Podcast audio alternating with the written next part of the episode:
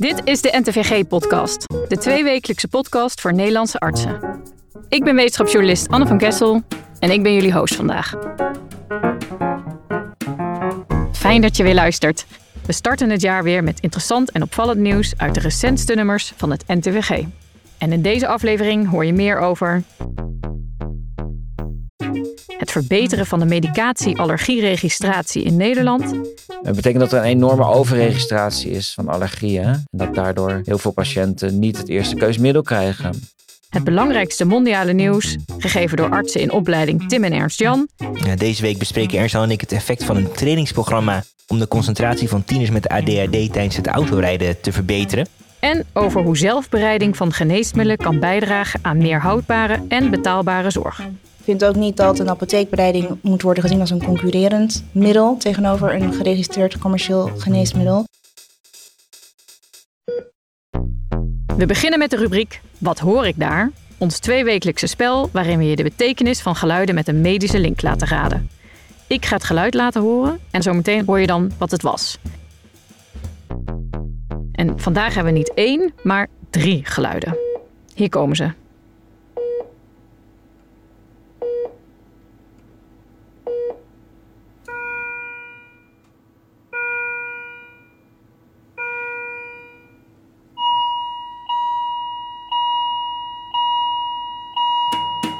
Ja, wat zijn dit voor geluiden? Denk er de komende 20 minuten maar eens even goed over na. Gaan we ondertussen door met het eerste interview van Job. Wanneer een arts bij een patiënt een medicatieallergie constateert, registreert deze die in het medisch dossier. En dankzij een landelijk schakelpunt kunnen ook andere behandelaren van de patiënt die informatie inzien. Maar die registratie is niet altijd even volledig. En wil een arts zo'n allergie uit het systeem verwijderen, dan gebeurt er iets geks, ontdekte medisch microbioloog Jarne van Hattem.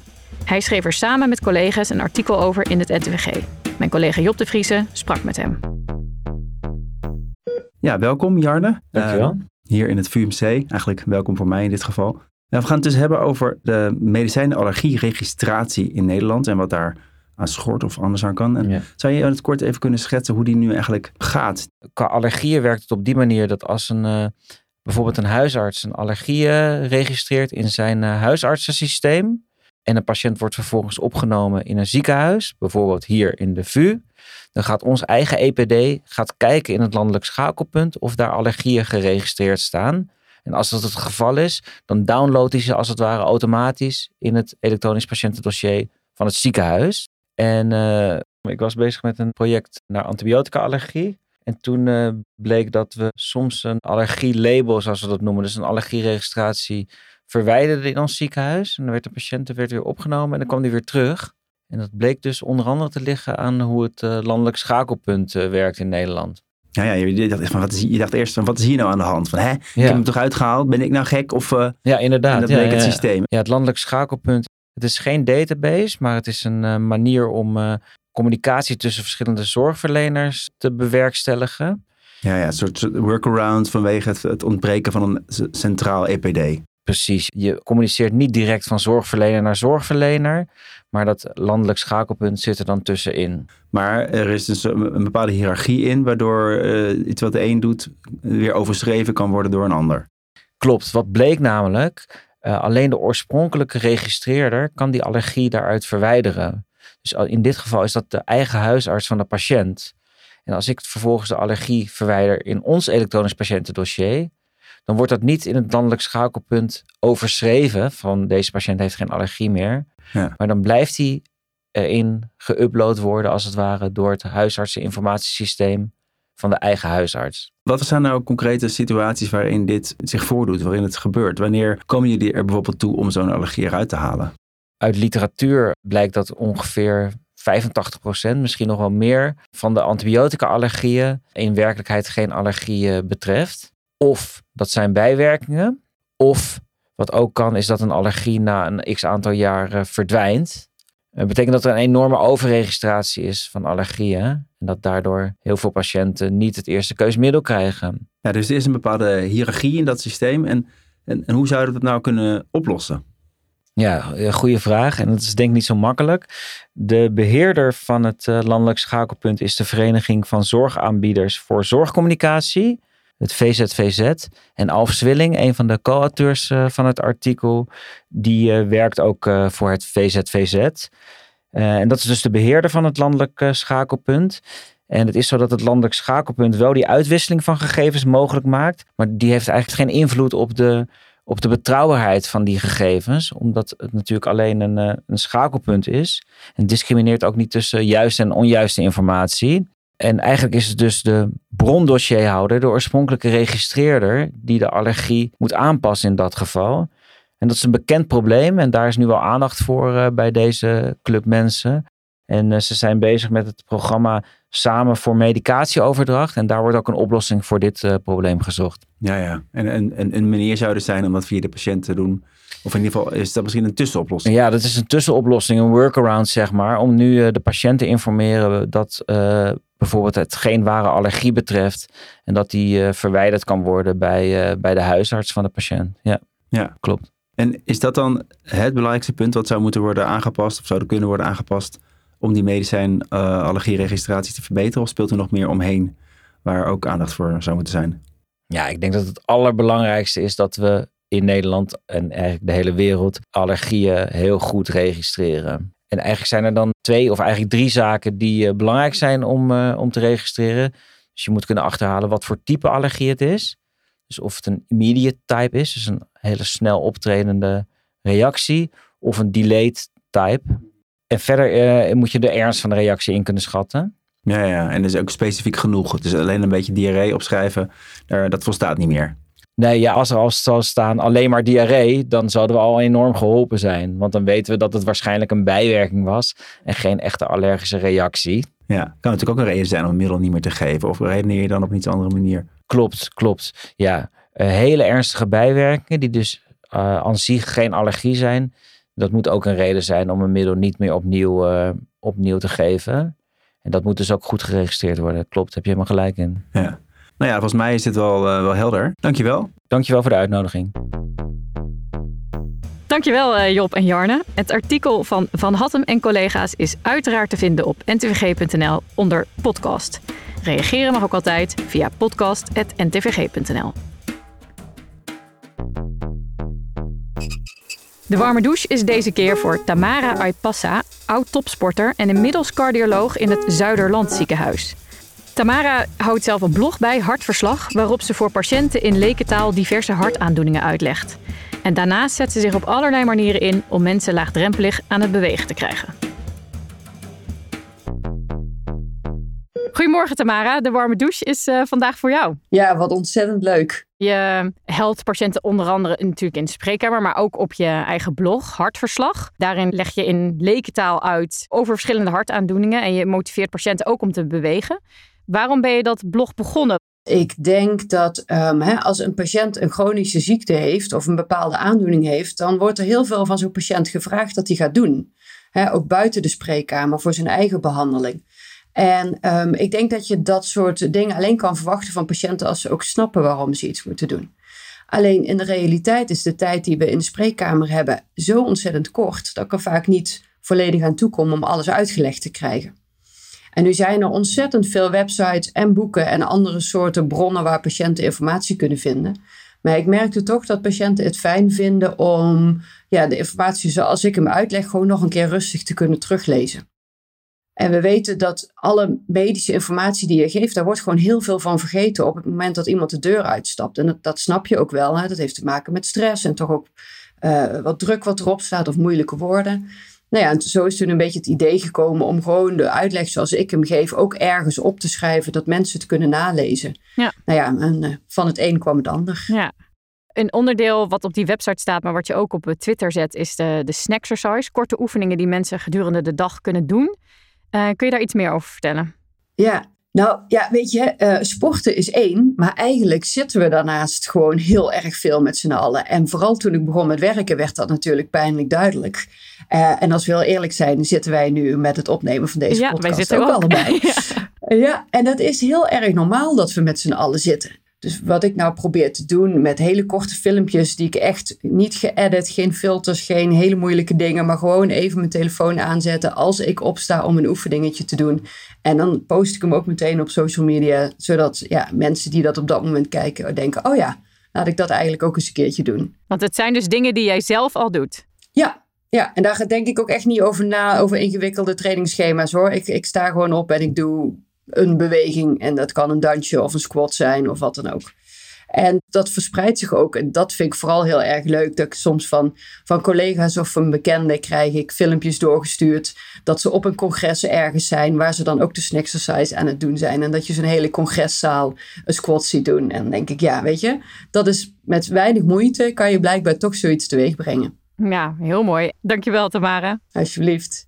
En dan gaan we nu naar ons bijzonder kundige duo luisteren. Tim Dekker en Ernst-Jan van het Woud, onze artsen in opleiding, die voor jou iedere aflevering de internationale medische literatuur doorspitten, er de meest opvallende en interessante studies uitpikken en die op kritische wijze beschouwen. Onze rubriek Het Korte Nieuws. Yes, dankjewel Anne. Daar, eh, daar zijn we weer met de medische literatuur van het laatste uur. Eh, deze week bespreken Ernst en ik het effect van een trainingsprogramma om de concentratie van tieners met ADHD tijdens het autorijden te verbeteren. We bespreken een studie uit Utrecht over de klachten in de palliatieve fase, maar we beginnen met een relatie tussen intensieve, intermitterende fysieke activiteit en mortaliteit. Ja, dat verdient wat nadere toelichting. Het gaat om een artikel van Stamatakis en collega's, gepubliceerd in Nature Medicine. En de onderzoekers die hebben gekeken naar het effect van wat zij noemen Vigorous Intermittent Lifestyle Physical Activity, ook wel een VILPA. En je zou dat kunnen vertalen naar iets als uh, intensieve, intermitterende fysieke activiteit. Kan je je voorstellen dat dat dan gaat over korte perioden van uh, intensieve fysieke activiteit, zoals een, uh, beetje een snelle korte wandeling naar werk of traplopen. En de studie die onderzocht de relatie tussen die veelpaas en het risico op mortaliteit.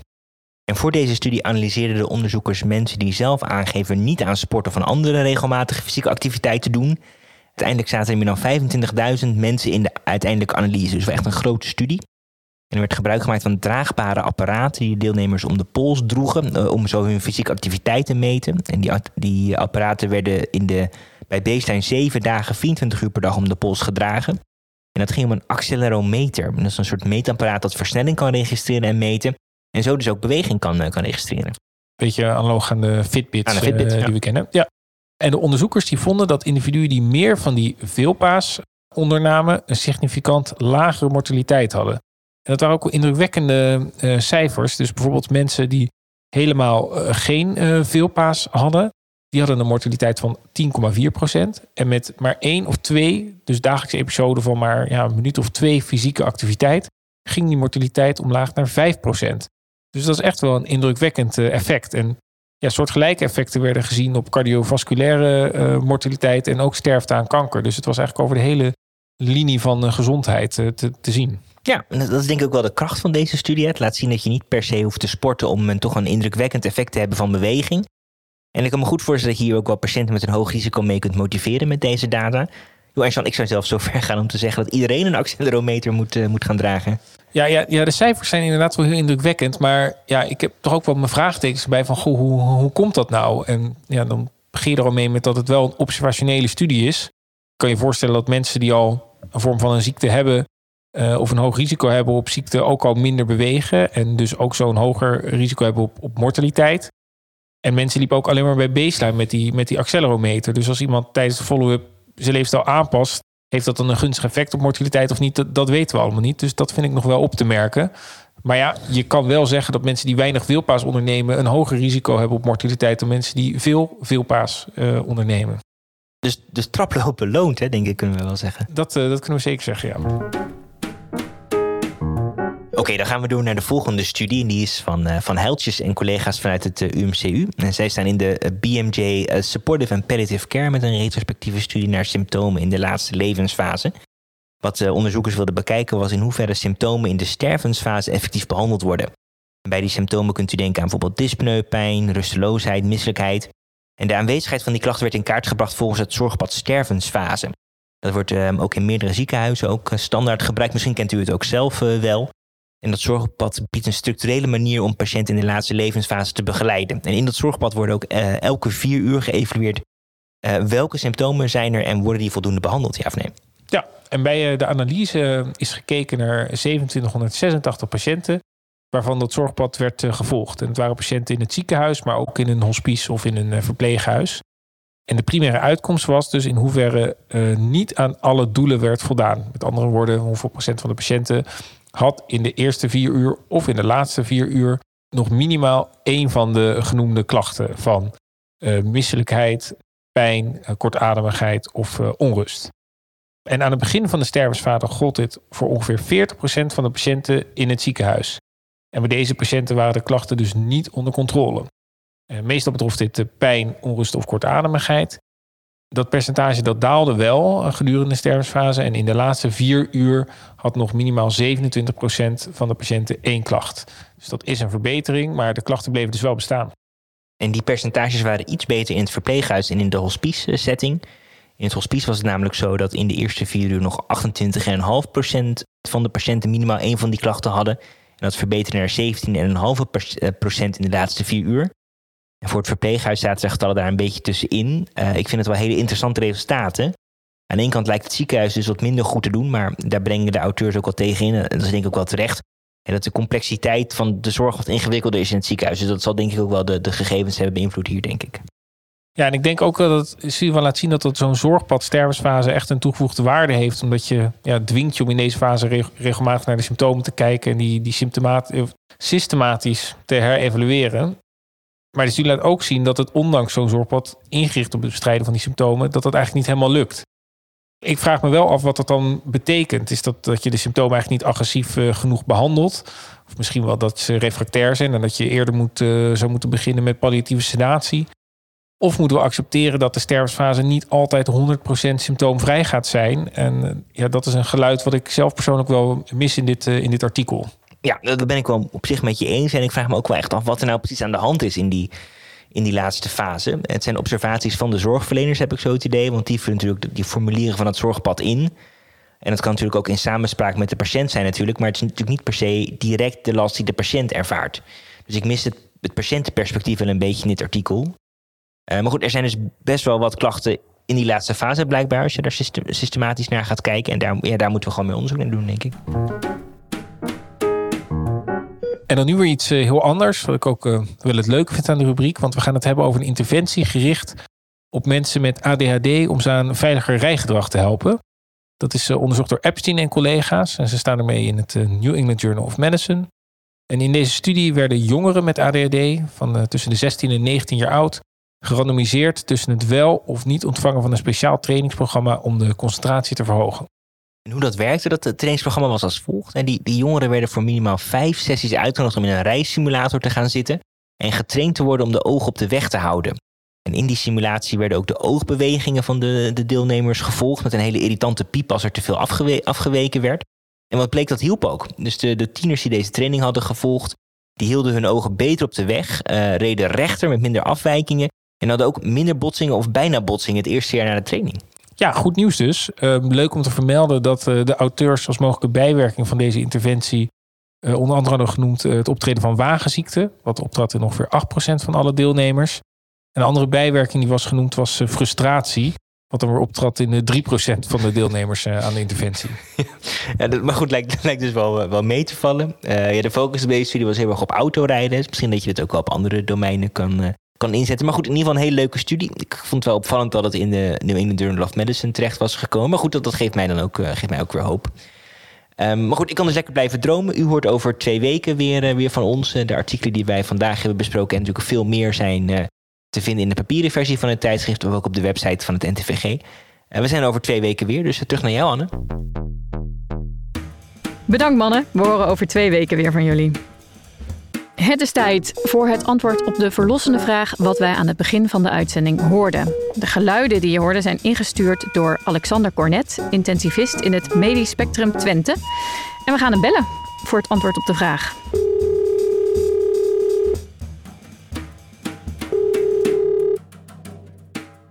Goedemorgen, Alexander. Goedemorgen. Vertel, wat voor geluiden hoorden wij net? Nou, je hoorde de drie soorten alarmen die we op de intensive care hebben. Een uh, rood alarm, een geel alarm en een blauw alarm. En wat is het verschil tussen die drie? Nou, het rode alarm dat is een heel urgent alarm. Daar moet je eigenlijk meteen iets mee. En het gele wat minder. En die blauwe is eigenlijk vooral een technisch alarm. Dus een, uh, een batterij of zo die vervangen moet worden? Ja, of een kabeltje dat los ligt. Ja.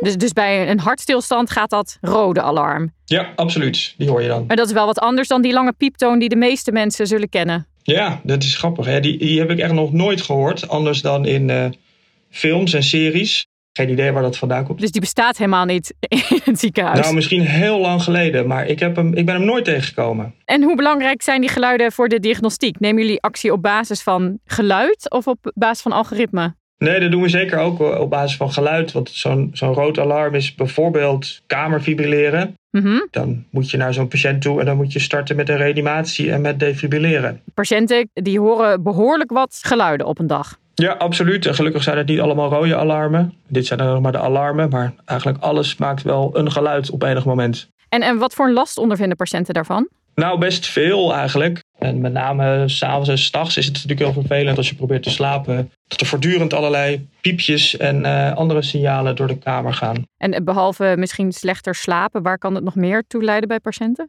Ja, verwardheid en delier. Mm Ja, dat wil je eigenlijk niet. Want zo'n delier dat leidt uh, vaak wel tot een langere opnameduur. En in grote groepen mensen leidt het uh, tot meer sterfte. Wat kun je nog allemaal doen om die geluiden te verminderen? Want ja, je hebt ze ook nodig, lijkt me. Klopt, ja, het, het toekomstdoel is eigenlijk dat alle geluiden de patiëntenkamer uitgaan. En dat uh, verpleegkundigen en ook dokters eigenlijk veel meer toegaan naar een soort smart devices. Wat je bij je draagt uh, waar de alarmen op binnenkomen. Zodat het alarm niet meer afgaat bij de patiënt op de kamer. Maar bij de medewerkers die uh, voor diegene zorgen. Dankjewel voor deze toelichting, Alexander. Graag gedaan. Heb je nou zelf een eigen geluid in te brengen? Mail dan naar podcast.ntvg.nl. Tijd voor iets heel anders. Het tweede interview. Wanneer een geregistreerd medicijn niet voorhanden is of een dosering op maat gewenst is, kunnen apothekers het middel zelf bereiden. Maar daar komt best een hoop bij kijken, ondervonden medewerkers van het Amsterdam UMC. Kan zelfbereiding bijdragen aan duurzame en betaalbare zorg? Daarover sprak collega Job met de eerste auteur van het artikel, apotheker-onderzoeker Jasmin Polak. Welkom in de uitzending, Jasmin. We gaan het hebben over zelfbereiding in de apotheken. Dat is niet de standaard manier van bereiden.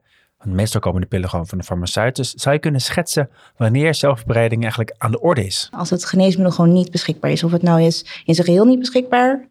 Of in die specifieke toedingsvorm niet beschikbaar. Of die specifieke sterkte niet beschikbaar. Maar anders dan kies je natuurlijk altijd liever voor een commercieel beschikbaar geneesmiddel. Ja, en waarom? Omdat die uitvoerig getest zijn. En ook omdat, waarom zou je iets anders doen als het er al is? Er wordt ook gesproken over zelfbereiding als manier om de zorg betaalbaar te houden. Oeh, ja, ik zou dat liever toch los van elkaar willen zien. Mhm. Waar wij ons heel erg op focussen is het beschikbaar houden van een geneesmiddel, los van de prijs of niet. Ik vind ook niet dat een apotheekbereiding moet worden gezien als een concurrerend middel tegenover een geregistreerd uh, commercieel geneesmiddel. Een apotheekbereiding is echt als aanvulling op. Ja, nu begrijp ik ook uit jullie artikel dat eigenlijk alle apotheken zelf het wiel moeten uitvinden. Terwijl je aan de andere kant ook heel graag zou willen samenwerken. Hoe proberen jullie daar de balans tussen te vinden? Van je eigen product moet je natuurlijk altijd je eigen dossier vormen. Uh, maar inderdaad, sommige dingen moet je uitzoeken die de collega bijvoorbeeld al weet. Het zou wat mij betreft mooi zijn als daar wat meer kennisdeling in is. Sommige collega's vinden misschien ook dat jullie als apotheek onderling ook echt concurrenten zou moeten zijn. Nou, ik denk dat dat inderdaad vooral het spanningsvlak is. Uh, ben je concurrenten van elkaar of um, kan je gewoon van elkaar leren? Um, ik merk inderdaad bij collega's dat, de, de, dat er een groep is die vindt, nou, we moeten dit soort informatie niet delen, want we zijn concurrenten van elkaar. Maar er is ook een groep die uh, heel graag die kennis wil delen. Daar behoren wij zelf bijvoorbeeld toe. Um, omdat we ook vinden dat uh, de, gewoon de kennis rondom apotheekbereiding in stand gehouden moet worden. We merken dat daar toch wel steeds minder kennis in is binnen het apothekersvak. En dat is gewoon zonde, want het is, uh, zoals ik al zei, het is gewoon mooi om via een apotheekbereiding toch een geneesmiddel beschikbaar te maken voor een patiënt die het anders niet kan krijgen. Jullie schrijven ook dat je eigenlijk een toename verwacht van zelfbereidingen in de nabije toekomst.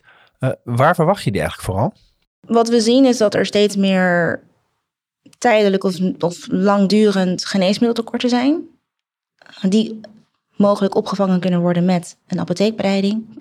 We merken ook dat er steeds meer vraag is naar gepersonaliseerde patiëntenzorg. Dus meer cateren op de specifieke behoeften van de patiënt, op individuele karakteristieken van de patiënt. Ja. Dat kan je, en daar heb je natuurlijk veel meer flexibiliteit in in apotheekbereidingen. Om toch die dosering iets aan te passen, de formulering iets aan te passen. Ja. Je kan het ook heel erg ad hoc doen. Dat gaat natuurlijk niet op grote schaal, zoals dat vanuit de farmaceutische industrie gaat. Dat is meer tweaken eigenlijk wat dat betreft. Precies. Nou ja, wij bijvoorbeeld hebben ook een studie nu lopen uh, binnen het AMC, waarin wij uh, Golzuur geven. Daar refereren we ook als een van de voorbeelden aan in het artikel.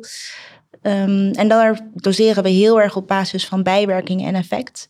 En we zien dat toch soms zo'n danige aanpassing nodig is van de dosering, waar je gewoon niet mee uit zou komen met een commercieel uh, beschikbare sterkte van dat geneesmiddel. Dan zie je gewoon dat een apotheekbereiding echt een mooie toegevoegde waarde heeft.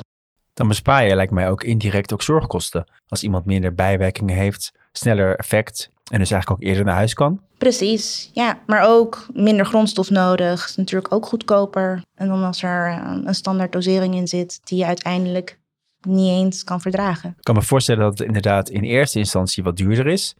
Omdat je wat meer kosten maakt. Maar uiteindelijk toch goedkoper op de lange termijn. Nou, dat is, dat is natuurlijk wel zo. Uh, je maakt het echt op maat. Dus dat betekent ook dat de kosten per capsule niet per se in verhouding staat met hè, datgene dat je ook daadwerkelijk echt aflevert of dat het je oplevert.